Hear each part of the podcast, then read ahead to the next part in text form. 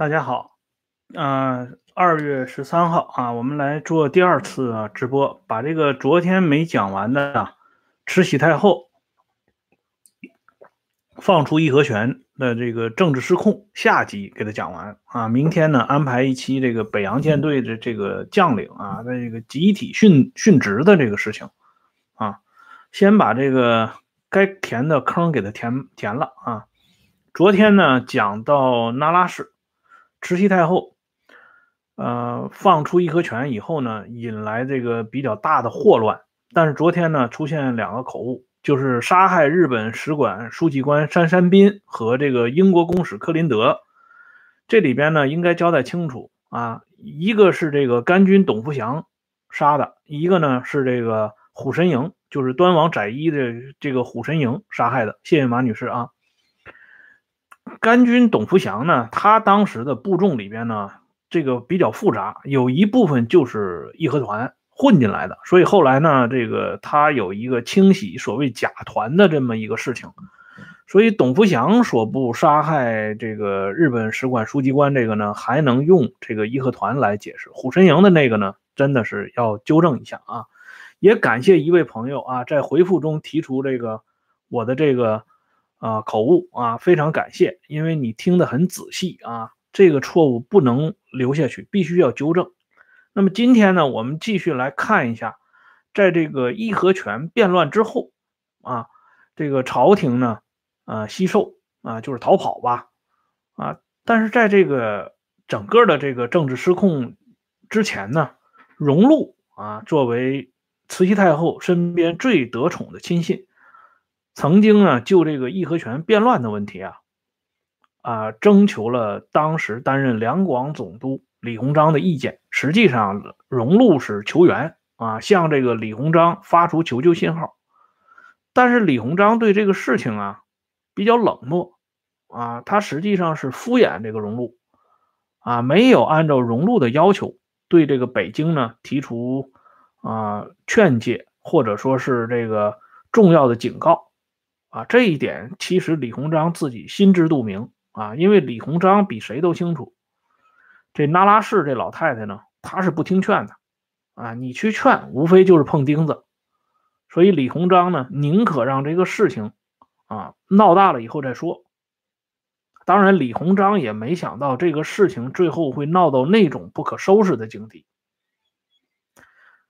不过呢，这个事情啊，从一开始打开这个潘多拉盒子，放出义和拳这些啊怪兽这件事情上，我们可以看到一点，那就是人家这个在，即使在清朝末年啊，那拉氏身边一等一的亲信，诸如荣禄这样的人，诸如庆亲王一况这样的人，他们脑子里还有一根弦儿啊，就是说不能乱来。你想抓权没问题啊，你可以抓权，甚至啊，他在这个己亥建储的时候啊，要说这两年都连上了啊，去年是己亥年，今年就是庚子年，在历史上的己亥年啊，发生一件大事，就是己亥建储啊，这个己亥建储就是实际上是暗度陈仓，用这个端郡王载一的儿子啊，来替代光绪皇帝，立为大阿哥。因为清朝至雍正雍正以后不准公开建储，啊，它叫秘密建储。皇帝把这东西呢写完以后，藏在正大光明殿后边，等他快断气儿的时候呢，拿出来才能宣布太子是谁。可是这个大阿哥啊，公开的大张旗鼓的把他立出来，本意就是要搞李代桃僵的这套把戏，要取代光绪皇帝，这是。慈禧太后当时的一个重要步骤，在这件事情上呢，啊，实际上荣禄的态度是模棱两可的，啊，他认为呢，这个是老太太抓权，啊，说白了是老太太人自己家的事儿，啊，立谁当儿子、当孙子那是人家的，啊，呃，权力范围之内的，他犯不上干预。所以后来啊，传传颂一时的就是刘坤一啊。从两江任上给这个荣禄发去警告，说这个君臣之分已定，中外之口宜防啊，为军纪为国纪啊，都要缓缓立这个大阿哥这个说法后来经人考证啊，这种说法是有点附会的啊，就是不是那么准确的。可见呢，在当时的情况下呢，荣禄对于老太太抓权这块他是没得讲。可是你要动洋人啊，这可能就是一锅主了，就是连荣禄在内恐怕也都保不住了。这荣禄就不能不啊看着你这么往下掉啊，因为自己也完了。还有一个就是大家都知道的庆记公司啊，庆亲王遗矿这个人呢，是在晚清很有名的一个非常。贪渎的这么一个，呃，这个亲贵啊，经常公开收受贿赂。但是一矿呢，因为长期主持总理事务衙门啊，就是外交部门，他也很清楚洋人是动不得的，搞义和拳出来对抗洋人，这完全是引火烧身。所以一矿呢，对老太太的做法呢也不满意。这样呢，慈禧太后把一矿也给换下来了。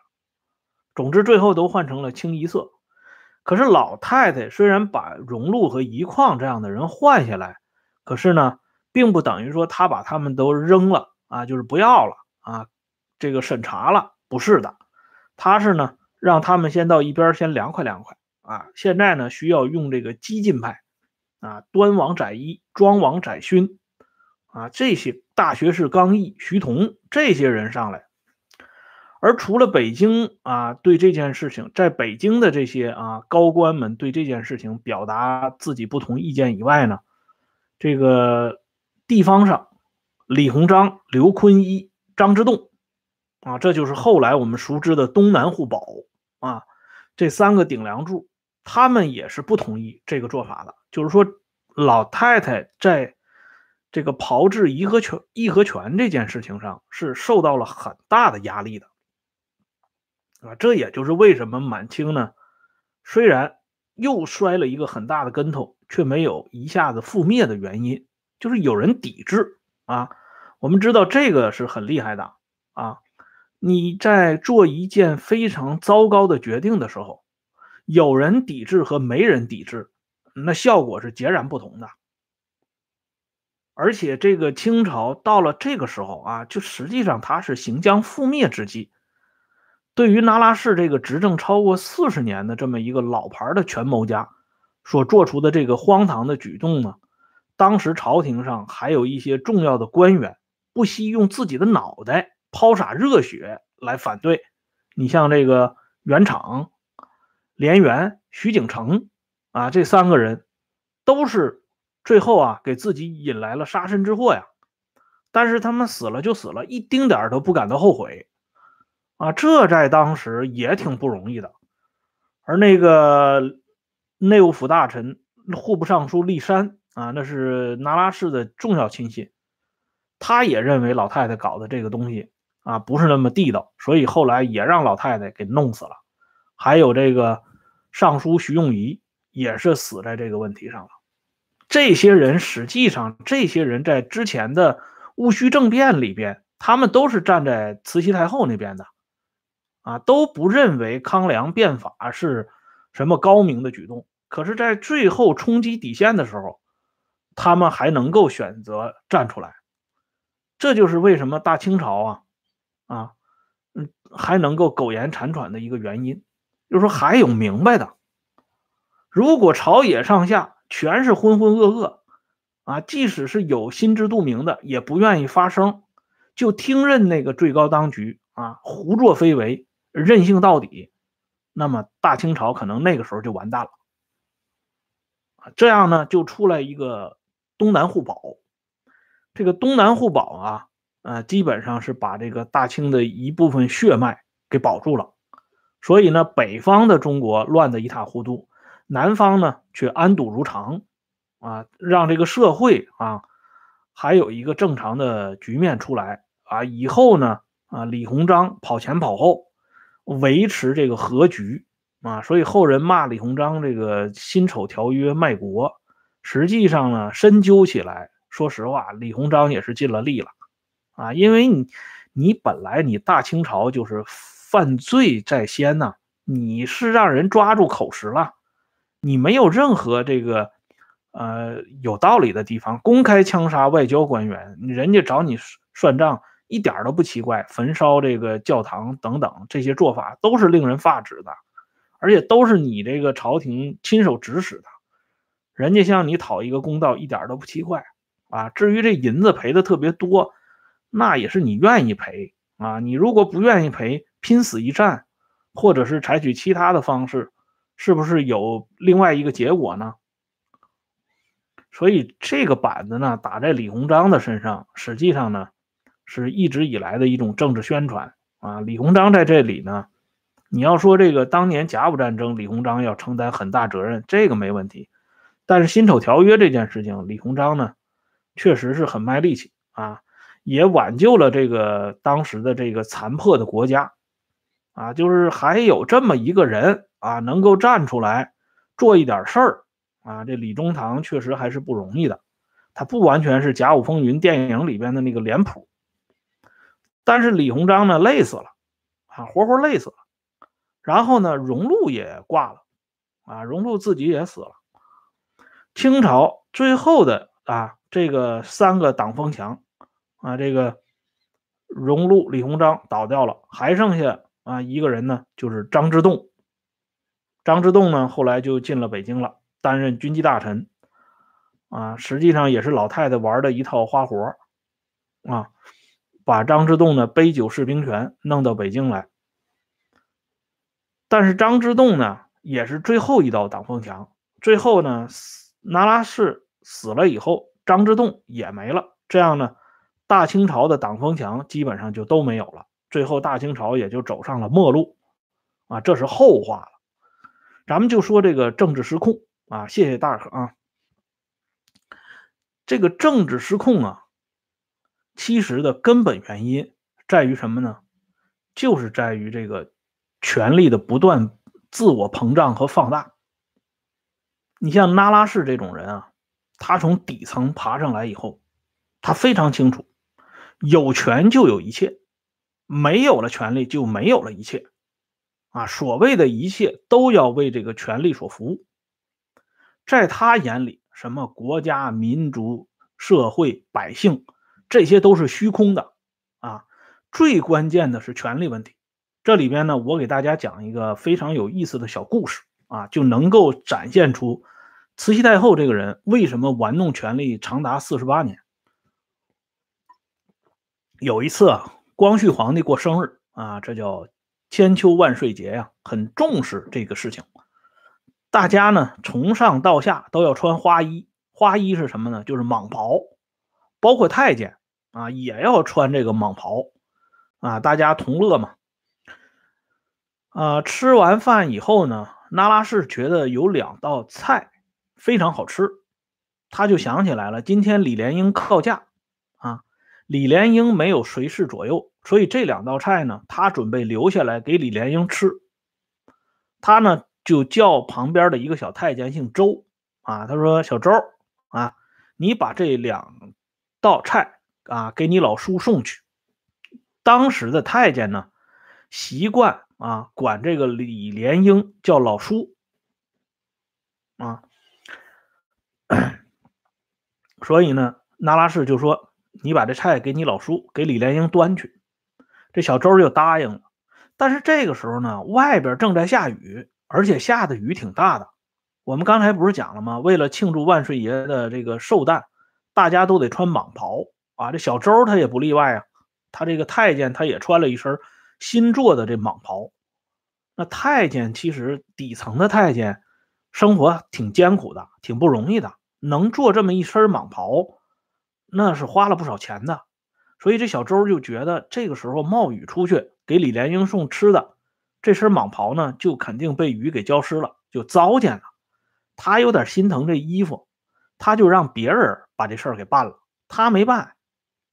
可是这件事呢，让那拉氏无意中给看到了。啊，老太太呢不动声色，啊，梳头的时候就把这周太监叫跟前了，啊，说小周啊。那两个菜给你老叔送去了吗？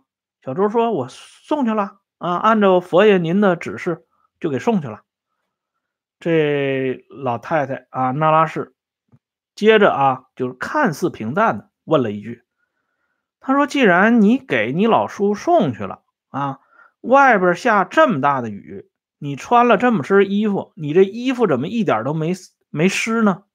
一点没让雨淋着呢？”这周太监回答不上来了，张口结舌呀。那拉氏一看啊，你在我这撒谎不是吗？你不是心疼你这件新做的这个蟒袍吗？啊，那我就成全你。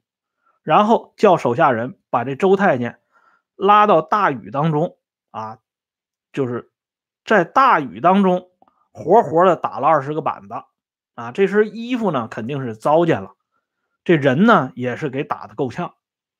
这就是那拉氏啊玩弄权术的一个小手段。哎，他们就是用这种不测之威啊，把这底下人呢就给镇住了。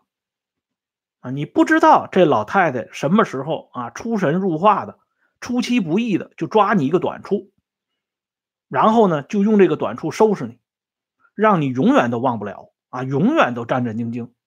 可是我们都知道啊，这人的精力它是有限的，你在特别关注小的东西的时候，往往是忘了大的啊。所以咱们说小聪明靠不住就在这儿，你如果总是钻着这个鸡毛蒜皮的这种小事儿做文章。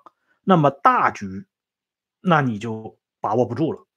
所以那拉氏这个人玩弄权术没问题啊，他这个啊挟制这个恭亲王奕欣啊，摆弄湘军啊，甚至后来摆弄两任皇帝，这个他做的都是啊如鱼得水啊，游刃有余。可是真正面对大局面的时候，大场面的时候，你会发现他是束手无策，慌张失措。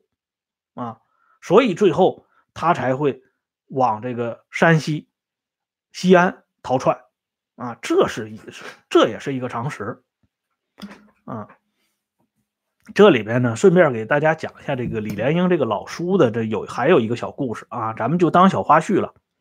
因为李莲英呢，他这个太监都管他叫老叔啊。有一次呢，这个女官。啊，这个荣陵他们陪着这个老太太打牌，啊，都是哄着这个慈禧太后高兴，啊，老佛爷最厉害，所以大家都输嘛，啊，其中这个有一个人输的是最厉害，啊，一场下来他没有一次是赢的，所以后来老太太就高兴了，老太太一高兴呢，就说了这么句话，说你今天打牌怎么跟李莲英似的呢？其实呢就是这个意思，就是说你怎么老输呢？啊，因为大家管李莲英叫老叔嘛，所以他就把这个典故呢用在这儿了。这是一个小段子。其实从这个小故事里边呢，也可以看出来，就是所有的人在所有的事情上都不能违拗慈禧太后，因为慈禧太后她的人生准则就是八个字：顺我者昌，逆我者亡。这是一切啊，致力于搞集权统治的人的。必备的啊，这就是他们的人生宗旨，所以慈禧太后才有那句名言嘛：“谁让我一时不痛快，我就让他一辈子不快活。”这是最简单、最直白的。所以这种人呢，啊，你也可以看出来，谁跟他都不可能处到最后啊，因为他不断的扒拉人头，今天喜欢这个。啊，嗯，放到跟前来。明天觉得这个人不行了，知道的事情太多了，就把这个人搞到一边去了。后天再提拔起来一个人，就这个人呢，都跟走马灯似的换，所以他根本不考虑这个国家将会走到什么方向啊，这个社会啊会有什么威胁，他根本不管这些事情。所以你看，他的权力越集中，这个国家的遭难的这个概念。就是越严重，而上下呢对他的吹捧也是越来越离谱啊！一开始呢还叫太后，后来干脆都叫老佛爷了。所以这个南斯拉夫啊，有一个思想家，那是仅次于铁托和啊卡达尔，呃不是卡达尔，嗯就是仅次于铁托吧和另外一个领导人的啊第三号人物吉拉斯啊，咱们中国以前翻译的叫德热拉斯。他的成名作呢，就是《新阶级》这个吉拉斯呢写过一本铁托的小传记啊，这本书很好看，小册子《铁托内幕故事》。我在这里呢向大家也推荐一下。这书呢今天正好在那个我楼上那个卧室里边，我就没没拿下来，没给大家伙展示啊。这书值得看看。他这个书里边呢就说到这么一句话，他说这个民族啊，一个民族只有这个平视他的领导人的时候。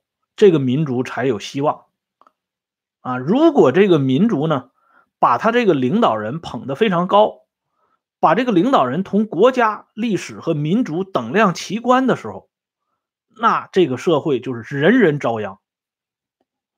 因为这样的话呢，就是泯灭了活力和前景啊！谢谢老弟啊！这段话我认为啊，在这个铁托内幕故事里边，这是非常隽永的。啊，若干名言中的一部分，所以这个小册子呢是好像是，呃，新华出版社吧出的啊，早年的吧啊，大家可以看一看，印的非常好，字非常大啊，尤其这个晚上啊睡觉前翻一翻，可谓开卷有益呀。从这个吉拉斯的这个话里边啊，我讲述的是吉拉斯原话的大意啊，我没有完全一个字不落的背它。从他的这个话，我们再来看一下这个那拉氏。当这个人啊被捧到老佛爷，那什么叫老佛爷？那就是当世的佛呀，是最高的了。无论是政治世界还是精神世界啊，那都是这个了不得的这个呃人物啊，不是新阶级啊，是叫铁托内幕故事啊。我给你们打上来吧。就这本书啊，很好写的啊，一两百页里边呢，把这个铁托整个的这个人呢，写的是啊，这个淋漓尽致啊。而且通过铁托这个人，我们也可以看到其他的，因为铁托在这个整个的共产主义国家里边，社会主义国家里，他还属于一个比较开明的这么一个代表人物。那不如铁托的人呢，就可想而知了。大克刚才不是讲了吗？这本书对一些经济学家影响还挺大的，所以呢，啊，大家看一看啊。所以从这个吉拉斯说的这个名言里面，我们就能够看到，这个人啊，被捧到这种位置以后，人人遭殃，包括我刚才讲的荣禄，他也要受到颠沛流离之苦啊。这荣禄身体本来就不太好，经历了庚子逃难以后，没几年人就挂了。嗯，李鸿章议和议到最后胃出血啊，大口大口吐血，死了。死前死不瞑目，周父去看他啊，老头子闭不上眼。秋风宝剑孤臣泪啊啊！为什么这个后人老引用这首诗来感叹李鸿章的境遇啊？这也是一个非常可悲的这么一个结局啊！庆亲王一矿。啊，知道庆亲王一矿是，呃，被老太太给收拾到什么程度吗？国丧期间规定，国丧期间不准生孩子，中式亲贵也不例外。但是这一况他没这个人，你说谁能这个管住啊？轻易管住自己呀？那自制力那都是有出漏洞的时候，一况就有没管住自己的时候。结果呢，他的这个老婆就在国丧期间就要临产啊，就就怀上孕了啊，所以这一况就害怕了。这国丧很长时间呢，那一旦怀上了，那逐渐显显露出来，那不就麻烦了吗？如果有人给捅出去，那一况就是大不敬啊。所以一况呢，就想方设法让这老婆呢流产。当时有个缺德的招儿。啊，就是这个，呃，就是用那个绿绿豆蝇啊，就是绿头的大苍蝇啊，做这个药引子，做那东西，然后人呢，呃，喝进去以后呢，就不断的呕吐啊，这样呢，导致流产。有这么一个方子，一矿呢，不得已给自己的老婆就用上了。这个呢，确实是流产成功了，但是老婆以后呢，就落了一后遗症，可能就再也没办法生孩子了。啊，严重的后遗症，就是说这么一个人啊，这拿拉氏上来以后，就是反正你周围的这些亲贵们都没好，那自己的亲儿子啊，同治皇帝拖延治疗，我们昨天都讲了，光绪皇帝直接就让他给弄死了啊！这已经是经过这个咱们公安部的这个 DNA 检测了啊，都得出科学的结论了。所以这个啊，一人万岁，众人半岁啊。他万岁万岁万万岁，那你就是半岁半岁半半岁，他越活越长，你越活越短，这就是常识。为什么政治失控啊？就是因为这个人万岁万岁万万岁，谁也管不了他了，所以他这个篓子越捅越大。哎，从当年的中法战争啊，当时还那中法战争呢，还限于在越南、广西那一带打一打啊。即使打败了，也不过是影响边疆的局势。后来呢，就越打越近了。这甲午战争就打到辽东半岛，甚至打到离北京城已经都不远的地方了。最后辛丑啊，庚子全乱，终于打进北京城了。老太太自己也跑了，这娄子最后呢，差一点没收住。但是万幸呢，还有这些人啊，给他抵挡一阵这个事儿呢，算是了了。可是这个老太太呢，没有甘心啊！这里呢，我给大家举一个例子，就是这个《文史资料选集》里边收录了当时老太太的姑爷端郡王载一啊，就是那大阿哥的生父端郡王载一，他的孙子叫玉运。玉运呢，晚年有一个回忆录，叫《花盆长金》，这是一个晚清很有名的故事。也算是鲜为人知的故事吧。端王载一啊，在辛丑条约之后呢，被老太太不得不当成替罪羊，发配新疆啊效力，就像林则徐一样，给弄到新疆去。但是呢，这个端王载一走到蒙古那边呢，他的妹夫是这阿拉善旗的这个罗王，他就住在他妹夫那儿，没有去新疆。结果有一天呢，北京城来了一个太监。这太监呢是李莲英的徒弟，啊，就是说白了就是李莲英的亲信，奉了老佛爷的旨意来见这个端王载一，传达了三句话。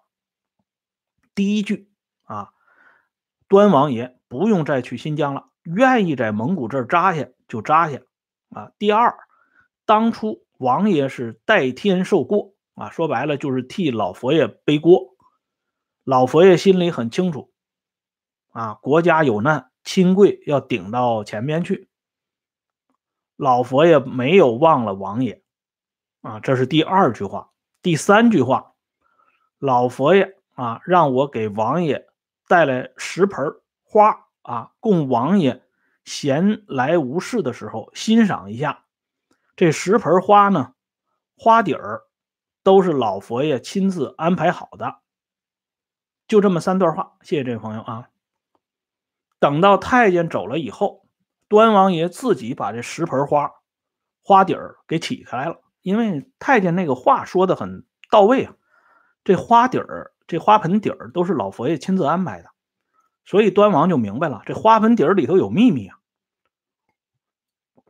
他就把每一盆的花这个都给翻出来了啊，整个翻出来，结果发现什么了呢？这十盆花一共装了四百两黄金。按照当时的牌价，就是翟一的孙子玉运回忆啊，他说他爷爷翟一跟他讲这段故事的时候，说这四百两黄金在当时值四万两白银，就是说老太太从北京托人给他送来了四万两银子，给这端郡王翟一花钱啊。换句话说呢？老太太从来没认为他做错了什么，也从来没认为啊，眼下被他贬斥到外地的载一，是他向外国人承诺的查办的罪魁祸首。他的这种啊，扶清灭洋跟义和拳的这个思想，那是血脉相连的。所以咱们说，上上下下都是义和拳啊，物以类聚，人以群分。可是这个女官荣龄和德龄他们的回忆里边呢，就清晰的记载过这么一个事情，就是那拉氏呢拉着外国公使夫人的手啊，表示一种特别这个痛心疾首啊、悔不当初的那种表情，说：“哎呀，这个当年呐啊，这个庚子年闹了那么一个误会啊，把你们呢都赶跑了啊，伤了你们的人，这都不是我的本意呀。可见呢，这完全是作秀啊，演戏。他骨子里是最仇恨西方的。为什么最仇恨西方呢？因为他知道这西方的这些东西一旦拿到了大清朝，他不仅啊位置保不住，连命可能都没了。那就更别想啊万众仰戴什么老佛爷了，就不存在这个事情了。那拉氏自己清楚，那拉氏身边的这些王公亲贵们也清楚。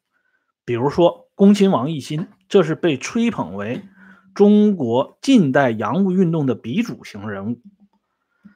奕欣呢就说过这样一句话，这是黄遵宪啊在《马关记事》里边写到的，就是当时李鸿章去签《马关条约》啊，这个朝议汹汹啊，大家都骂这李鸿章是这个李二先生卖国。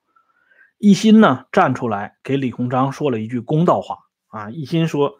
中国之败，全由不西化之故，非鸿章之过。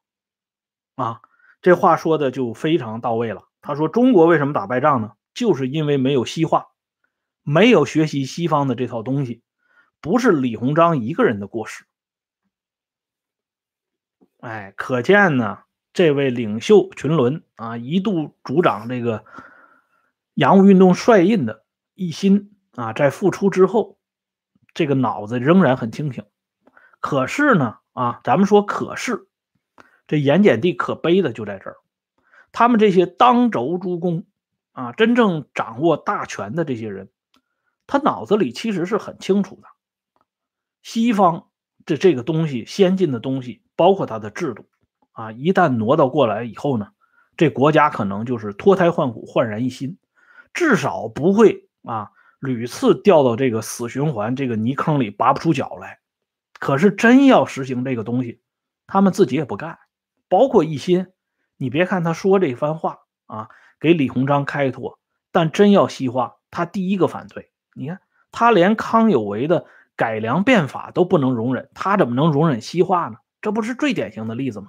因为他们知道，他们最切身的利益啊，他们利益的最大化都在于盐碱地。继续维持盐碱化，而不是西化这个上头，所以呢，咱们就可以看出，这大清国它的高层，他不是真傻，他是装傻啊，他不是蔫坏，他是真坏啊。只是呢，那个时候他们还只是把这个钱放到东交民巷，放到什么华俄道盛银行、花旗银行、汇丰银行。啊，还没长真正的本事，后来就不一样了。后来的情况大家应该也都很清楚了，这里就不必细说了。所以呢，我们看到的是什么呢？在这个政治失控之后，最高层他可以化险为夷，幸免于难，逃一圈还能回北京作威作福。可是底层死了多少人呢？被糟践了多少人呢？谁能统计上来啊？庚子一场全乱。普通的北京老百姓多少人丢了性命，到今天都没有一个准确的数字。多少家庭毁于战乱？没有啊。所以人家古人说那句话是对的：兴百姓苦，亡百姓苦。只只要这个盐碱地没有任何实质性的松动，那么这个死循环仍然笼罩在所有人的头上，谁也跑不掉。政治失控呢？会随时的啊，重新来演过一遍啊，届时呢，就像吉拉斯说的那样，人人遭殃，没有极少有幸免者啊。好了，今天咱们这个话题呢，就说到这里，感谢朋友们的打赏和支持，咱们明天接着聊，再见。